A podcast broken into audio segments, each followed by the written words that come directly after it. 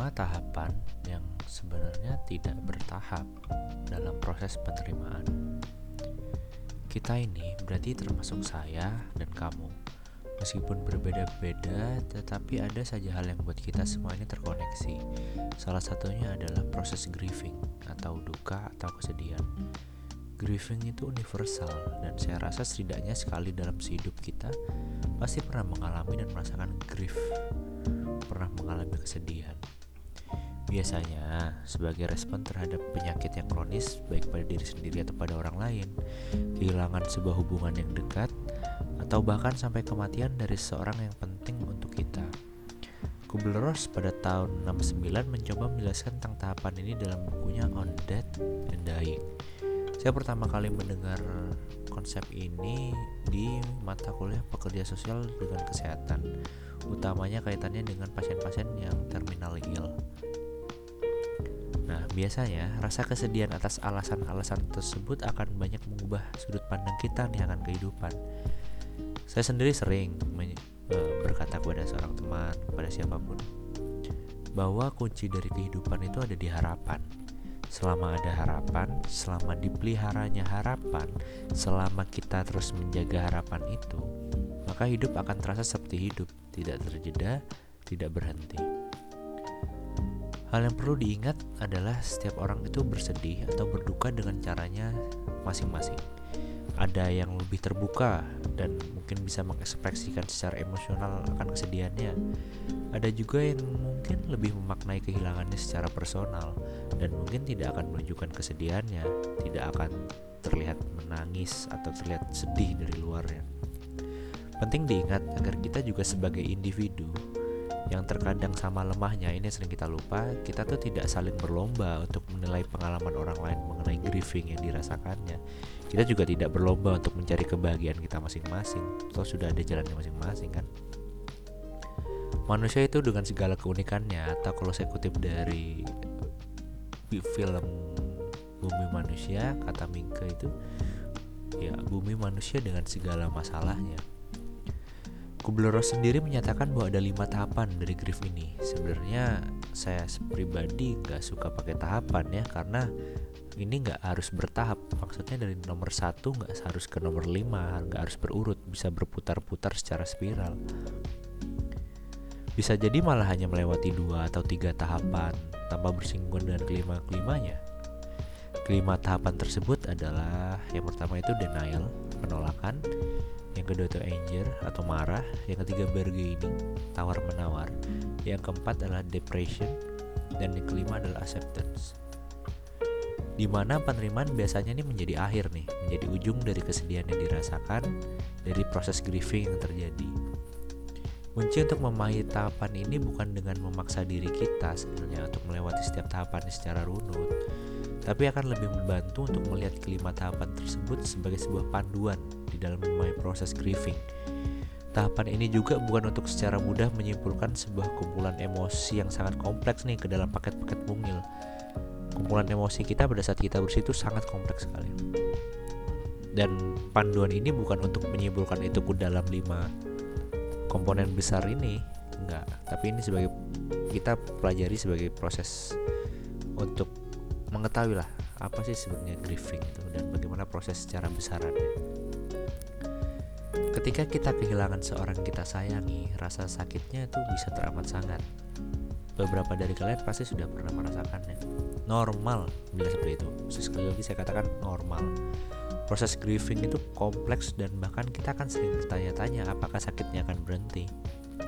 Kita hanya perlu ingat bahwa kesedihan dan duka kita itu seunik kepribadian kita masing-masing tidak perlu merasa malu, bingung, dan sedih. Ini hanya proses yang membuat kita merasa menjadi manusia seutuhnya yang memiliki akal dan perasaan masing-masing. Sebenarnya kerennya sih orang-orang menyebut tahapan ini adalah five stages of grief. Tapi saya lebih suka dan saya lebih memahami dan saya lebih percaya bahwa sebenarnya ini adalah lima tahapan untuk bisa menerima ya karena tujuan akhirnya adalah menerima. Yang pertama itu denial ya. Denial adalah salah satu tahapan yang biasanya paling sering terjadi. Pertama kali terjadi juga. Denial itu salah satu cara kita, salah satu coping kita untuk mencoba bertahan dari kehilangan yang dirasakan. Reaksi utama dari proses kehilangan yang terjadi adalah menolak realita yang ada, itu pasti. Ini tidak mungkin terjadi, ini nggak boleh terjadi. Sering kita dengar kata-kata tersebut dari orang lain ataupun diri kita. Bahkan saya pun sering mengucapkan kata-kata seperti itu. Tahapan ini sering kali membuat dunia yang kita jalani menjadi tidak berarti dan kita terasa terbebani nih dari setiap sisinya. Hidup jadi nggak masuk akal membuat kita berpikir bagaimana kita bisa melaluinya dan bila kita melaluinya bagaimana cara kita untuk melaluinya? Lalu mengapa kita harus melaluinya? Setelah kehilangan yang sudah terjadi pada diri kita Hal yang menjadi kunci dari tahapan denial adalah kita sebenarnya bukan menganggap bahwa kehilangan itu tidak terjadi, bukan. Kita bukan menegasikan, kita bukan mendiarkan bahwa tidak ada kehilangan, bukan. Itu lari kita maksud dari masalah. Yang terjadi itu adalah kita berusaha mengumpulkan informasi dan mencoba memahami apa yang sebenarnya terjadi sih. Untuk beberapa orang, tahapan ini menjadi pintu masuk utama yang sebenarnya membantu kita menghadapi gelombang-gelombang sakit yang akan dirasakan selanjutnya. Saya pakai gelombang karena biasanya sakit yang akan kita rasakan dari proses grieving ini ya datang secara bergelombang dan biasanya nggak akan hanya sekali datang ya. Jadi ya siap-siap. Tahapan yang kedua itu adalah anger atau kemarahan buat saya pribadi ini adalah tahapan kunci dari proses penerimaan yang akan dicapai nantinya seandainya mau dicapai seandainya mampu dicapai. Keluarkan saja amarah meskipun kadang kita merasakan wah ini marah saya nggak akan selesai-selesai nih. Nah itu wajar kok. Lebih banyak kita bisa merasakan marah kita keluar, amarah kita keluar, akan lebih mudah juga bagi diri kita dalam proses penyembuhan. Sebenarnya sih nggak hanya emosi marah yang keluar, banyak sekali emosi-emosi lain yang keluar pada tahapan ini. Cuma seringnya kita terlebih dahulu paham dan sudah lebih berpengalaman nih memahami emosi marah dibanding emosi-emosi lain yang sebenarnya juga ikut muncul. Yang perlu dijaga adalah terkadang marah tidak ada batasnya. Kita sendiri yang harus memberi batasan. Marah yang tidak terukur itu sering kali akan mempengaruhi orang lain, teman dekat, keluarga, orang yang hendak menolong, bahkan diri kita sendiri. Kita hidup di masyarakat yang takut akan emosi marah, padahal saya pribadi percaya bahwa marah yang terukur menjadi salah satu sumber kekuatan, menjadi sebuah fondasi awal dalam perubahan. Saya marah akan ini, saya kesal akan ini. Wah, ini jadi alasan saya untuk berubah nih. Saya marah karena hal ini tidak sesuai dengan apa yang saya inginkan. Saya mau merubah ini. Itu jadi fondasi awal, memberikan kekuatan awal untuk berdiri dalam menghadapi kehilangan yang kita rasakan. Tapi kemarahan sebenarnya dapat lebih diterima di masyarakat di masyarakat kita ya daripada mengakui bahwa kita sebenarnya ketakutan menghadapi kehilangan kita. Di masyarakat kita rasa takut eh, rasa takut yang hadir setelah kehilangan itu seperti sebuah hal yang aneh atau sebagai sebuah hal yang mungkin lebih dimudahkan, eh, digampangkan. Ah gitu aja, ah gini aja. Nah, marah tuh lebih bisa diterima sebenarnya di masyarakat kita. Meskipun marah sendiri masih dianggap tabu oleh ya jadi sebelah salah kita sebenarnya di masyarakat ya. Marah itu normal dan sekali lagi emosi-emosi yang ada di tahapan ini yang buat kita menjadi manusia yang sebenarnya itu tidak sekuat perkiraan kita. Wajar. Tahap yang ketiga itu adalah bargaining atau tawar menawar Sebelum kehilangan terjadi, sering kali kita membuat sebuah penebusan kepada otoritas yang jauh lebih tinggi nih, biasanya kepada Tuhan, kepada Allah. Saya akan lakukan apa pun agar yang terburuk tidak terjadi, atau saya akan lakukan apa pun asal dia bisa kembali. Tahapan ini sadar atau tidak sadar membuat kita banyak mengeluarkan pertanyaan, what if? Bagaimana jika? Bagaimana kalau? Andai saja waktu itu dan berbagai pernyataan serupa lainnya kita di tahapan ini ini mencoba menawar sebenarnya menawar rasa bersalah kita. Kita menganggap dengan kita memunculkan rasa bersalah kita bisa membalikan keadaan seperti saat kehilangan belum terjadi. Meskipun akan sangat sulit untuk demikian atau bahkan tidak mungkin. Bargaining ini membuat kita ketinggalan di masa lalu fisik kita ada di sekarang tapi pemikiran kita tertinggal di masa lalu. Kita mencoba membuat penawaran agar diri kita keluar dari rasa sakit yang dirasakan Padahal sebenarnya kita tahu penawaran yang kita lakukan adalah untuk menunda hal yang sebenarnya tidak terhindarkan. menghibur diri sendiri dengan skenario-skenario ideal yang kita idam-idamkan. Bargaining juga membuat kita lebih terfokus kepada kesalahan pribadi kita ataupun penyesalan kita sebelumnya. Kita seringnya akan memutar kembali nih memori kita bersama orang yang sudah hilang dari hidup kita. Mencatat semua kesalahan kita yang membuat dia tersakiti, kita merecall kembali memori kita mengenai kata-kata atau perbuatan yang seharusnya tidak kita sampaikan dan tidak kita lakukan. Kita membuat asumsi sendiri bahwa apabila terjadi adalah skenario yang berbeda, mungkin hasilnya juga akan berbeda. Yang keempat adalah depression. Ini merupakan tahap yang mungkin bisa dibilang terberat dan mungkin juga akan menjadi tahapan yang cukup panjang nih. Sebenarnya kita juga nggak bisa ya melakukan self diagnosis dan mengatakan kita depresi. Semuanya harus ditentukan oleh profesional. Tapi sepemahaman saya yang dimaksud pada tahapan ini adalah respon yang kita keluarkan akan kehilangan yang besar biasanya akan menimbulkan depression.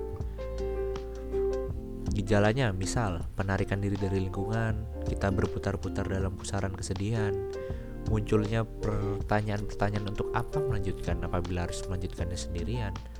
Depresi setelah kehilangan adalah hal yang wajar. Mungkin kita akan menjadi tidak ingin terlalu berinteraksi dengan banyak orang, menjangkau lebih sedikit orang untuk membantu menghadapi rasa sedih yang dirasakan. Satu hal yang menjadi catatan adalah menghadapi depresi setelah kehilangan orang yang penting bagi kita akan sangat bisa sekali membuat kita merasa terisolasi.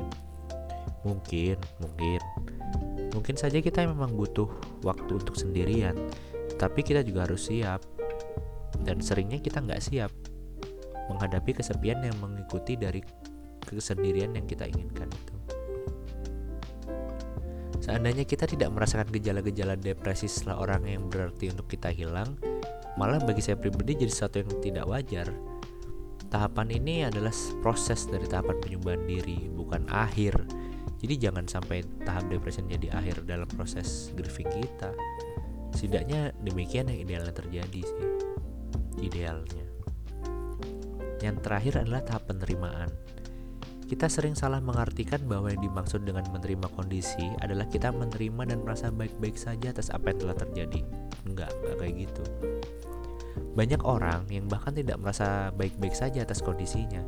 Tahapan ini lebih kepada cara kita menerima kenyataan bahwa orang berarti untuk kita telah hilang dan kita menyadari bahwa ada realita baru yang harus kita terima dan bukan kita malah merasa baik-baik saja akan keadaan. Tapi kita mencoba menerima keadaan mencoba legowo.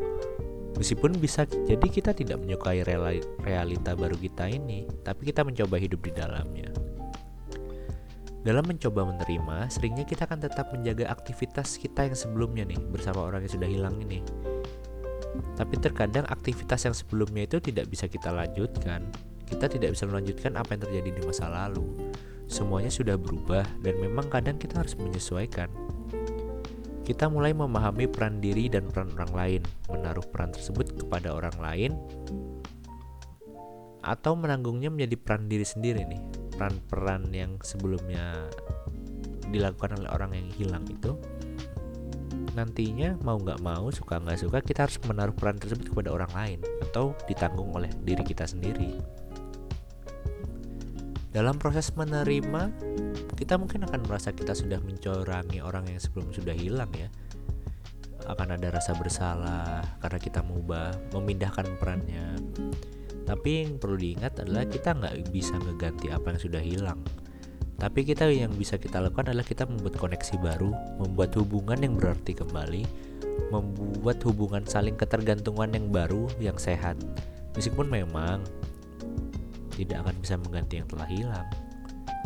Kita mendengar kebutuhan kita, kita bergerak, kita berubah, kita tumbuh, kita berevolusi, kita berevolusi, kita membuat awal baru dan menjangkau orang lain dan terlibat dalam kehidupannya. Kita berinvestasi pada diri kita sendiri. Hidup kita mulai berjalan kembali, tapi kita tidak bisa melakukan semua hal tersebut sampai kita membiarkan rasa bersedih dan menduga kita untuk selesai untuk hilang. Mencapai tahapan ini mungkin tidak akan bisa dirasakan semua orang. Bagi kita yang bersinggungan dengan tahapan akhir yaitu penerimaan, saya ucapkan selamat. Yang menjadi kunci di tahapan penerimaan adalah bukan berarti kita tidak lagi merasakan sakitnya kehilangan, tapi kita tidak lagi menolak realitas situasi kita dan kita tidak mencoba untuk merubah keadaan yang sebenarnya tidak bisa kita ubah.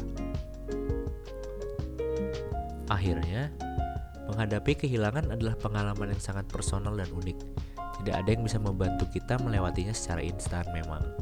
Karena pengalamannya akan selalu berbeda dan faktor-faktor yang ada di belakangnya juga tidak sama.